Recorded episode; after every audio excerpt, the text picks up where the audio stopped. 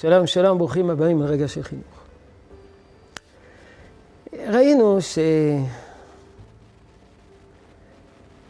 שבזבוז זמן ממוסד, זה נקרא מושב ליצי.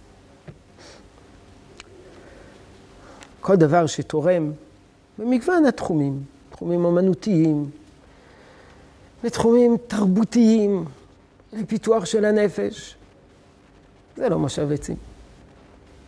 מושב עצים זה בזבוז זמן מרתק. אדם רואה איזה סרט. זה מושב עצים. על פי זה נוכל להבין את דברי חז"ל, או יותר ליתר דיוק, דברי השולחן ערוך ביחס לספרות. ישנו סעיף שלם בשולחן ערוך, שבו השולחן ערוך מגדיר, מגדיר מה היחס של תורה, של ההלכה, אל הספרות. היכן זה מופיע? בהלכות שבת. למה זה מופיע בהלכות שבת? כיוון שבהלכות שבת יש התייחסות לכל מיני כתבים, איזה כתבים מותר לקרוא, וייתכן שזה גם מופיע בהלכות שבת, מפני שבהלכות שבת היה פנאי. אנשים אולי ניצלו את הזמן לקריאת ספרים. והנה, כך כתוב בשולחן ערוך, אורח חיים, סימן ש"ז, סעיף ט"ז. מליצות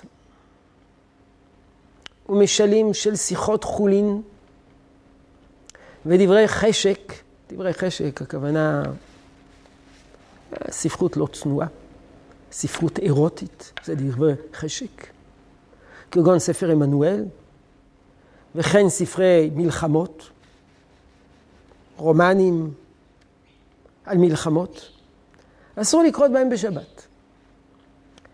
טוב, שבת, ומה בחול? ואף בחול אסור משום מושב לצים.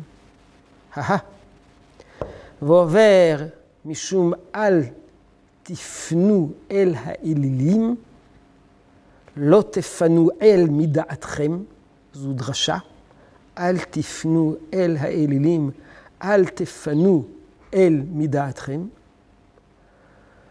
ובדברי חשק, יקטו ישנו עוד משום מגרי יצר הרע. ומי שחיברם ומי שהעתיקם, ואין צו לומר המדפיסם, מחטיאים את הרבים. אז השולחן ערוך מחלק בין שלושה סוגי ספרות.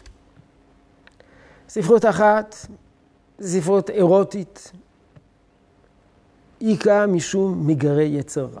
מובן, זה מלבה את היצרים. בימינו זה ספרות אירוטית, בימינו זה סרטים אה, לא צנועים, פורנוגרפיה, מגרי יצר הרע. ועליו שזה לא משהו חזותי, אלא אדם קורא ספר והמחשבות הן בדמיון, אבל יש בזה משום מגרי יצר. ויש אה, ספרות מסוג אחר, שאלה שולחן ערוך אומר, אל תפנו אל מדעתכם.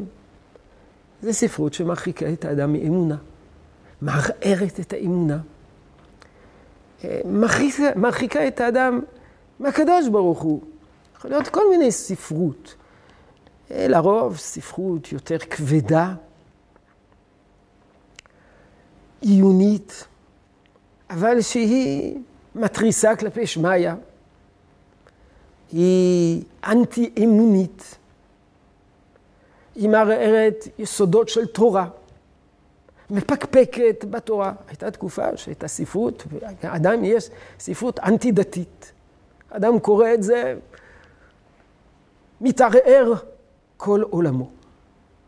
אבל יש סוג שלישי של ספרות, שעליה השולחן ערוך אומר שיש בה משום מושב לצים. ועליה נדבר בעזרת השם ברגע של חינוך הבא. יהי רצון שתשרה ברכה בעבודתנו החינוכית. שלום שלום.